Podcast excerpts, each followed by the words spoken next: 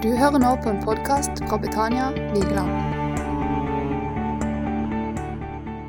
Når vi var på LED, så eh, Å gå på konferanse er jo alltid veldig sånn inspirerende. Og, eh, og så nå er jeg blitt 50, da. Så det er ikke sånn lenger at jeg tenker at jeg går på konferanse, og så skal vi komme hjem, og så forandrer vi menigheter eller verden eller sånn. Eh, det er liksom ferdig med. Men det var så fantastisk å være der. Jeg skulle på en måte ønske at alle hadde fått lov til å, å vært med på det. Og si har du sjansen, eh, så vær med på LED. Um, de, har et helt utrolig fokus. Og bare å være der um, um, altså, For det, det er gjennomproff. Det er gjennomført så til de grader før det begynner, under konferansen og etterpå. Altså, det, det, er helt fantastisk. De vet hva de gjør. Det er lovsang altså, i ypperste klasse. Det er lys, det er lyd. Det sant, sånn. Og så kan noen tenke ja, er det så åndelig, da? Nei, det er ikke det som gjør det åndelig. Det er ikke det. Det er bare fordi at vi er i 2018, ikke sant, så er det sånn. Eh, men de har et fokus eh, som bare Det bare greip meg altså sånn. Og som jeg sier, ja, jeg er blitt over 50, og når vi kommer der, så er jeg ikke den som står blant de fremste der og danser og sånn. Det overlater vi litt til de litt yngre, men så kan man få være med og kanskje sitte litt sånn tilbake og bare glede seg og bare velsigne og bare anerkjenne og stå med eh, det som skjer da. Og så å få lov til å se at vi står i en sammenheng. Og i det her landet vårt ikke sant, som vi nesten bare hører om negative ting, negativ utvikling, og eh, Vesten, ikke sant. Snart ikke troende igjen, og ser det, og vekkelse i Afrika, og ja, vekkelse i Øst-Europa, vekkelse der Latin-Amerika, Kina ikke minst. Og så her oppe uff, bare materialisme, frafall, folk går ikke til gudstjeneste, prioriterer feil. Og så, og så, kommer vi der, og så er vi sammen med ledere fra hele Norge. Eh, det var mellom 1500 og 2000 som var der. Som bare er hengitte, og som bare ja, jeg, jeg bare, bare si jeg var så på gråten mange ganger også, når de vitnesbyrdene kommer. Når man ser mennesker som bare legger livene sine ned som kan velge i dag ikke sant, å leve så komfortabelt. Og så har de bare lagt livene sine ned. Og så har de bare sagt 'Jesus, jeg vil leve for deg. Om du sender meg til Finnmark, så gjør jeg det'. Og så tror en kanskje noen er der, fordi at i pinsebevegelsen Det er der ikke sant, saltfellesskapet er, med Øystein Gjerme i spissen. Det er der eh, Hillsong er, ikke sant, med Krogral i spissen. Wow! Det er der du møter lederskapet fra Q42 i Kristiansand, og vi vet hva de har fått til, fra Philadelphia med Svartdal i spissen. Og så tenker vi at det er deg ikke sant, som blir profilert. Er, Hør på deg. Se på deg. Men så var det ikke det. Så fikk vi høre vitnesbyrdene. Og det grep meg så når fra Nord-Norge, ikke sant, som har valgt å bare plante menigheter der. Og vi kan tenke ja, vi er ikke så mange her i dag. Vet du hva, det er så mange som hadde drømt om å få lov til å oppleve det vi opplever her. At vi har musikere på scenen. Vi har teknikere. Vi er vel en 40 stykk her med smått og stort i dag. Det er så mange menigheter som drømmer om det. Men så er de trofast der de er. Og hverdagen for de fleste kristne i Norge, i verden, hva er det? Det er små, trofaste sant, menigheter som samles søndag etter søndag, år etter år. Og som har håp, og som har tro til Gud. Men det vi gjør, det har evighetsbetydning. Og så er det så mye snakk om vekkelse, vekkelse, og nå er det vekkelse her, og vekkelse, og nå kommer vekkelsen. Ja, det ordet finner vi jo ikke i Bibelen. Vi gjør jo ikke det. Det står ikke noe. Det ordet er ikke brukt i Bibelen. Men det du ser, ikke sant, det er trofasthet. Folk som bare over tid er trofast, legger ned livene sine. Og så sår dem. Og så er det andre som får lov å høste. Og så er det veldig lett å være med på vekkelse ikke sant? når plutselig det begynner å skje.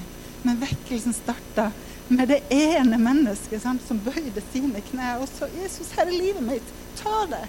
Når det ikke var stort og det var ikke flott. Det var ingen som anerkjente det, var ingen som brydde seg. Da starta vekkelsen. Og så er det frukten vi får lov å se. Og jeg leste just i Iran. Tenk i Iran av alle steder.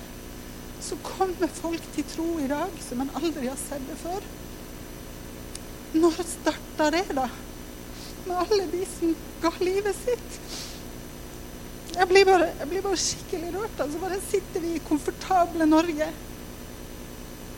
Og vi føler kanskje at vi ofrer så mye. Ofrer så mye for menigheten. I min alder. Hvorfor vil jeg være på led? Hvorfor vil jeg være der og se ikke bare de unge, men også de eldre som har lagt ned livene sine? For jeg er livredd for å bli komfortabel. Jeg er livredd for å bli en av de som bare blir sittende i godstolen og switche og ikke blir fornøyd. Jeg har 100 TV-kanaler, og det er ikke bra nok. Jeg er livredd for det. Fordi det drar i oss hele tida i Norge, i den verden vi lever i. Hele tida drar det i oss. Og så er jeg så redd for å si at nei, Gud, nå har jeg tjent deg nok. Nå fortjener jeg noe annet. Og hovedtalen Han var fra Hillsong, faktisk. Han ble frelst i Hillsong, Sydney, når det ikke het Hillsong, når det bare var en liten menighet der. Han var på vei til å bli en profesjonell tennisspiller. Og så møter han Gud, han blir frelst, og så legger han livet sitt ned. Og han sier bokstavelig talt han tar tennisracketen og han legger den på alteret til Gud og sier bare 'ta det'. Hva vil du med meg? Og i dag så er han pastor i Skottland, i Glasgow. Og bare den reisa fra liksom solfylte, fantastiske Sydney og så opp til regntunge, tåkebelagte Glasgow og skal plante menighet i en by med kriminalitet, med ja, Statistikkene så ikke bra ut. Nå har han vært der i ti år, og de er 800 i menigheten. Han sier 'Jeg har aldri eid mitt eget hus. Nå ser det ut som at vi kan få lov til å kjøpe vårt eget hus'. Jeg tok med meg kone og barn. Forlot slekt, forlot familie, forlot far, forlot mor. Og så reiste jeg opp dit. Forlot venner. Men så sier han, 'Vet du hva, Jesus, han skylder meg ingenting'. For vi kommer lettere. Nå har, jeg, nå har jeg levd for deg, Gud. Nå har jeg levd for deg. Nå har jeg tjent i menighet i 30 år. Gud, så er ikke det payback time? Men så sier han, vet du hva, Jesus han skylder meg ingenting. For Jesus han døde på korset for min skyld. Jesus han gikk gjennom lidelse. Hån, spott. Han ble piska, han ble slått. Men tenk den fornedrelsen Vite ja, fysisk plage. Nei, tenk den fornedrelsen at, at Gud vendte ryggen til Jesus. For det var så mye synd, det var så mye skam, og det var min. Og så skal jeg liksom tenke nå har jeg tjent deg så lenge, Gud. Nå skylder du meg. Nei. Gud skylder oss ingenting. Vi fikk alt. Og det å få lov til å tjene, sånn, det er et privilegium. Det er det det er. Et privilegium. Det er ikke noe krav å få lov til å stå her. Det er ikke noe vi kan kreve, men det er et privilegium. Og Gud gir sine gaver. Og så får vi lov til å tjene ikke sant, på hvert vårt sted. Der hvor vi er satt. Så, så Gud ser at det er gagnlig for menigheten. For hans kropp på jord. Og så viktig da fokuset på at alt vi gjør, la oss gjøre det som for Herren. Ikke sant? Om det om jeg står her, det er for Jesus. Om jeg vasker do, det er for Jesus. Om vi inviterer noen hjem, det er for Jesus. La oss ha det fokuset, og ikke misunne hverandre. Ja, nå går jeg her, ikke sant. Ingen som ser, og jeg går her og vasker, eller jeg server folk, og alle bare krever, og Ikke sant? Men la oss gjøre det for Jesus. Han skylder oss faktisk ingenting. Han har gitt alt. Og så har han kalt oss inn i, til samfunn med seg, og så har han sagt det. Du er min venn. Ikke sant? Jeg kaller ikke dere tjener. Du er min venn. Men når Jesus bøyde seg ned og vaska føttene til disiplene, da viste han oss Altså, han viste oss hva lederskap er. Og det har jeg sagt før. Det er tjenerskap. Du kan ikke være leder i Guds rike uten å være en tjener. Og det er det alt handler om. Og det er det liksom, Det ble, var så fantastisk å være i det miljøet av disse altså menighetslederne som bare legger livene sine ned og sier vi er tjenere. Vi tjener våre menigheter. Og som da er villig til å reise der Gud sender for å tjene mennesker på en liten plass eller en stor plass, eller så ser de denne lille begynnelsen, og så vet bare Gud hva det kan bli til. Men hvor vi må, hvor vi må skatte det vi har, og hvor vi må på en måte tenke wow, fellesskapet det er så viktig. Og hver enkelt er så viktig. Og når jeg sa at jeg ble så inspirert av stafetten i går, eh, så var det damestafetten. Og så hun som går ankeretappen, som det kalles, Marit Bjørgen. Hun er jo ei gammel dame, på en måte. Og det ble snakka mye om Marit Bjørgen i forkant av stafetten og etter stafetten. Og vet dere hva de kaller henne for på laget der? Det er mamma Marit. Hun er mor. Hun, hun, har en sånn Hun er Alle ser opp til henne. En gull til, og så er hun vel altså den mestvinnende dameolympiker gjennom tidene. Liksom, sånn. Hun er en ener. Men det, det, de sier om henne, det er at hun deler av all kunnskapen sin. Hun er mor for disse unge jentene. Hun tar seg av dem. Hun har omsorg for dem. Uh, hun er ikke redd for å gi dem tips for at kanskje de blir bedre enn meg. Nei, for all del. ikke sant? Jeg må ikke lære dem noen ting, for kanskje den går forbi meg. Nei. Hun bare deler. Og er liksom den som holder dem sammen. Og, og det er mange som har merka seg det at i de norske troppene, også alpintroppen der, har utlendinger merka seg det der at hvordan de liksom backer hverandre, hvordan de deler, hvordan de deler livet for å gjøre hverandre gode. Og det, er jo rett et bilde inn i menighetsfellesskapet. Og vi er ikke konkurrenter. ikke sant? At vi skal gjøre hverandre gode. Og i denne stafetten så er det et tidspunkt der hvor man går sammen, Når du skal sende nestemann ut så er det faktisk sånn at et stykke på vei så går man sammen. Og du ser det enda bedre når man løper og man skal gi hverandre stafettpinn. Så er det et øyeblikk der at man løper sammen og holder stafettpinn sammen for at det skal bli en vellykka veksling. Og det er jo særlig det her ikke sant, fra generasjon til generasjon. Vi har opplevd det at vi har fått stafettpinn kasta etter oss i liksom sinne, i sånn frustrasjon, da. Sånn Kommer dere her nå, bare ta den, sant? Gjør som dere vil. Og så var det ikke det vi som unge ønska. Det, det, var liksom ikke det å bare få han slengt etter oss og gjøre som vi ville. Vi ville ha voksne og eldre som løpte sammen, og som holdt i pinnen sammen med oss så lenge det tok, så vi kunne løpe videre uh, og holde den, ikke sant? Og der er jeg som å si, jeg taler like mye til meg sjøl, for nå er jeg 50, nå er jeg i den alderen der. At det er avgjørende åssen holdning jeg har til neste generasjon. Blir jeg bare fornærma når det kommer gode ideer? Blir jeg bare fornærma når jeg ser noen som Oi, han eller hun den kommer til å bli mye bedre enn meg til å preike. Han eller hun kommer til å utøve mye bedre lederskap enn jeg. Blir jeg bare sånn at jeg tar stafettpinnen og så bare peller meg den etter og bare ta den, da? Eller sier jeg wow? Wow! Du skal få stå på mine skuldre, så du kommer enda lenger enn meg. Hvorfor?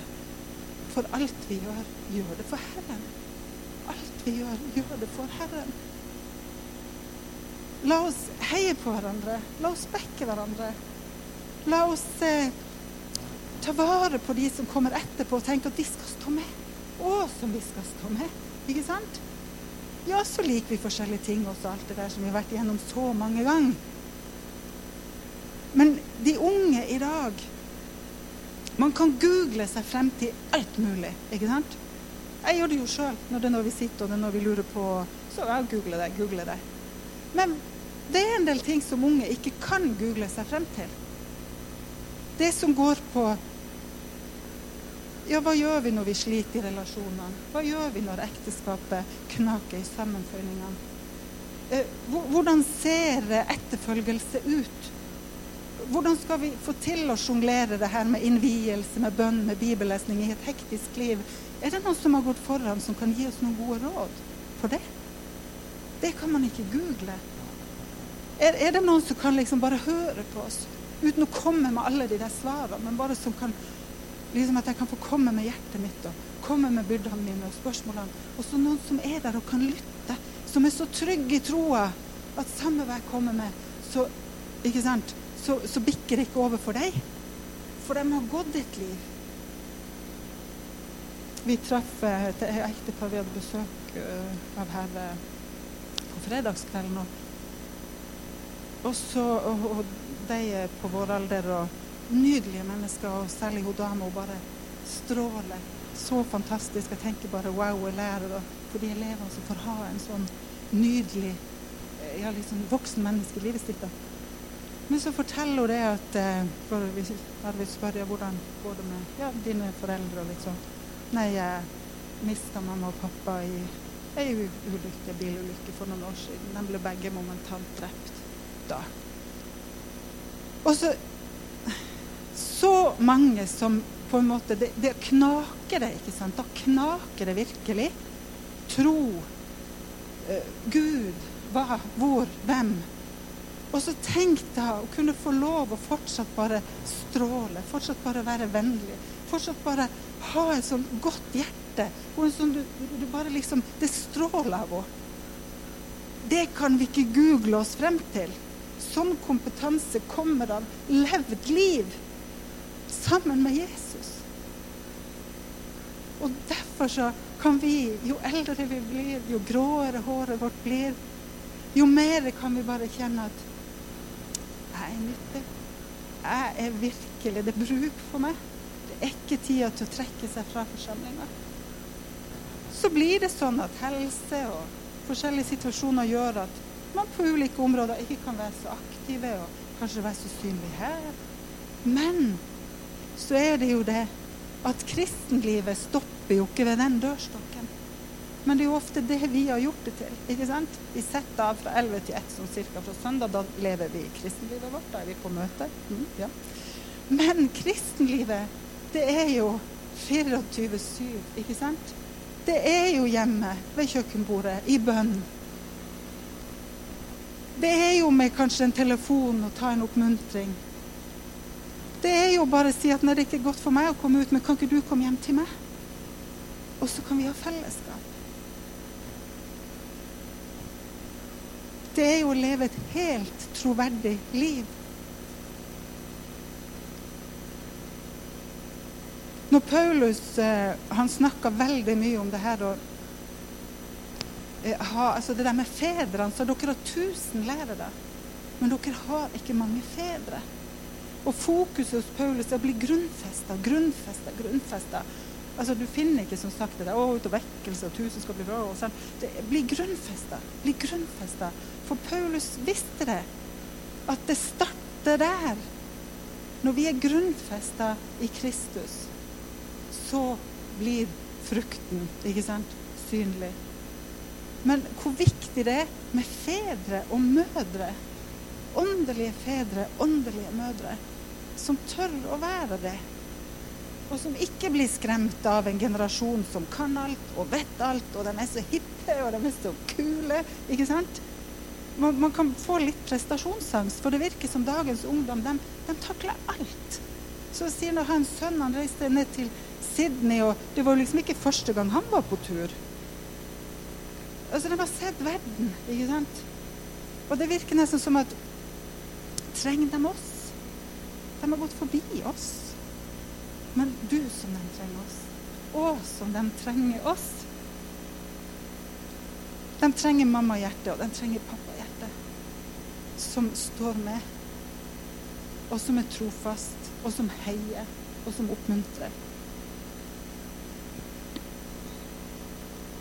Og så er det noe med det der Det var en som het uh, Villard. Han var en sånn filosof og forfatter. Han sa den store utelatelsen av den store utsendelsen. Altså The Great Emission from the Great Commission. Det høres veldig fint ut. Men han mener det at kirka i dag, veldig mange kristne i dag, har utelatt det her om utsendelse. Altså den store utsendelsen. At vi er kalt til å gå ut. Eh, og det koster. Det har vi gjerne fjerna. Og Jesu radikale ord om omvendelse, om etterfølgelse, det demper vi. For all del. Når Jesus sa til den rike unge mannen at gå og selg alt i det til de fattige, kom og følg meg, så sier vi nei, nei, nei, nei. Jesus mente ikke det, er du gæren. ikke sant? Bare demp det ned.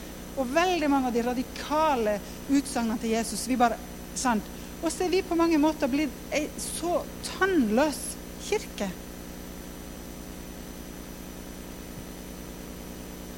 Ordet disippel er brukt 269 ganger i Nye testamentet. Mens ordet kristen er kun brukt tre ganger.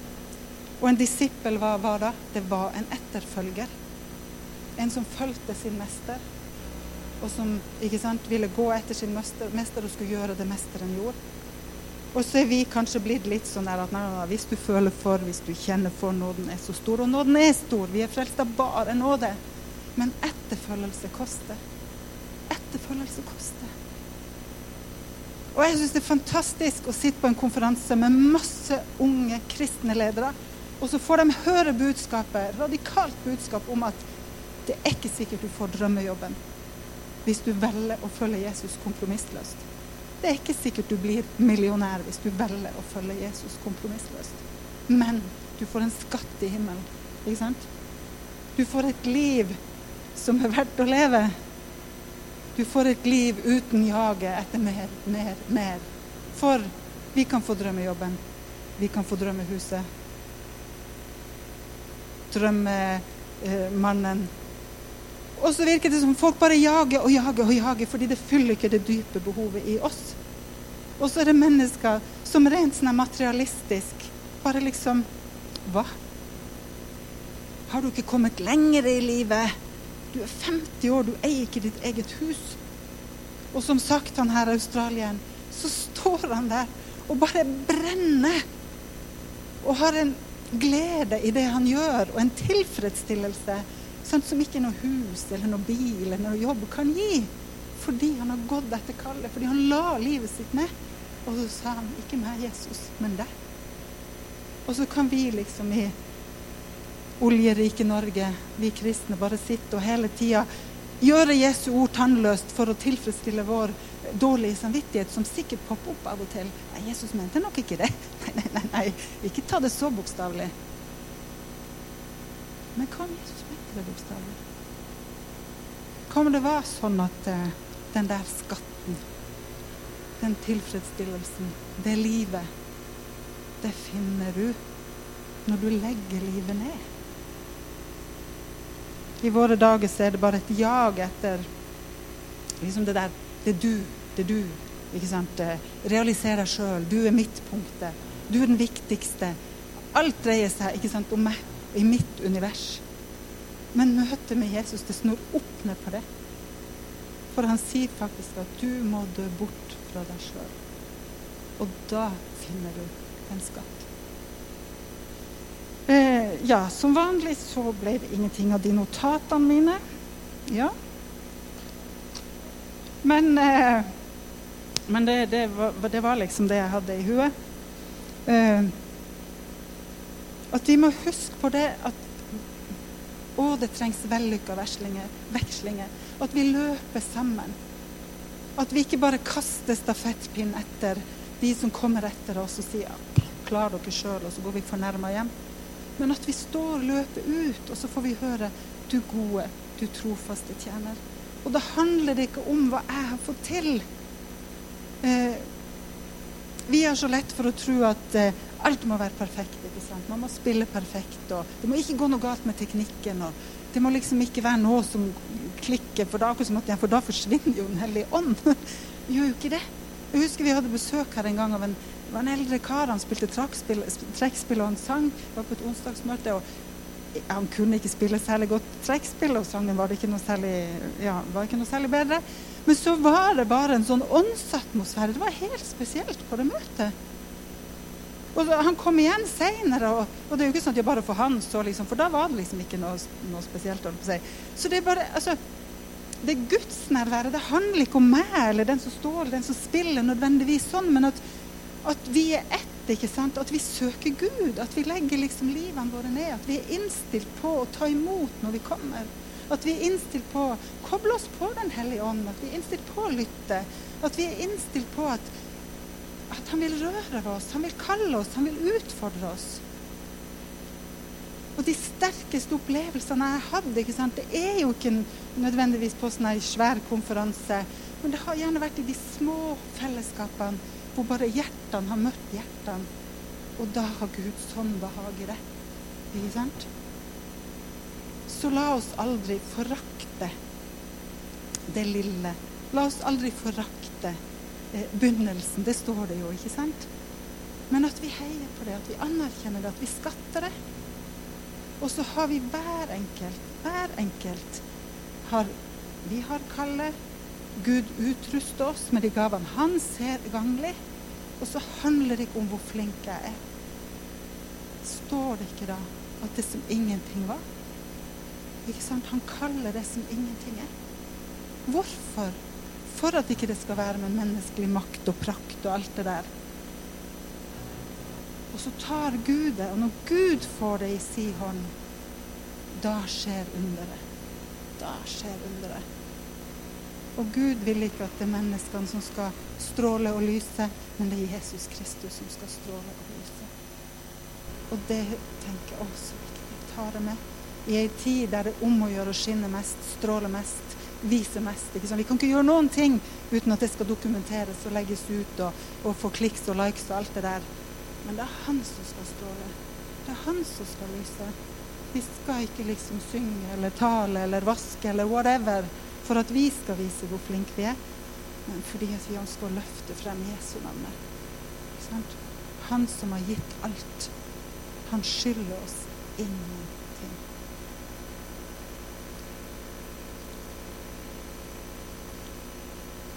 Jeg skal bare lese til slutt fra, fra korinterne. Helt ny bibel, og den holder seg fra Korinterbrevet. Første Korinterbrev 9,24. Vet dere ikke at alle de som deltar i et kappløp, er med og løper, men bare én får seiersprisen? Løp da slik at dere kan få den. Og hver den som deltar i kappløpet, forsaker alt annet. De gjør det for å oppnå en uforgjengelig krans, men vi gjør det for en uforgjengelig. Derfor løper jeg ikke usik eh, i usikkerhet, jeg kjemper ikke som om en som slår ut i løse luften. Men jeg legger tvang på min kropp og holder den i trelldom, slik at jeg som har forkynt for andre, ikke selv skal bli forkastet. Men i disse olympiske tider, så vi vet hva de har ofra, de her olympierne. Vi vet hva som ligger bak et gull. altså Det er helt vanvittig. Men så sier bare Paulus til oss Den kransen forgår. Det gullet får de ikke med seg. Men hver enkelt se til at vi løper så vi vinner seierskransen og får lov til å komme hjem til far i herlighet. Eh, Egil Svartdal han sa det sånn da han begynte som en litt sånn ung forkynner. og taler litt, så sier han da var liksom den der sangen at, eller koret, eller hva han kalte det for, at Alt var bedre før. Nå går det ikke noe greit, og verre skal det bli. Og så sier han å, det er så fantastisk i dag. Så hører jeg liksom at det var sikkert bra før. Det er enda bedre i dag. Og vi skal inn i herligheten. Bedre skal det bli. Det holdt på å si, det er vår seierssang. Eh, det det er fint i dag, men enda bedre skal det bli. Og så får vi løpe hver enkelt, sånn at vi får lov til å motta seierskransen. Tenk når vi ble ønska velkommen hjem av Jesus. Tenk. Og så får vi seierskransen, og så får vi høre du gode og trofaste tjener. Og så vet vi da handler det bare om at vi forvalter det vi hadde fått, om det var stort eller smått. Det handler ikke om å vise til. Se her.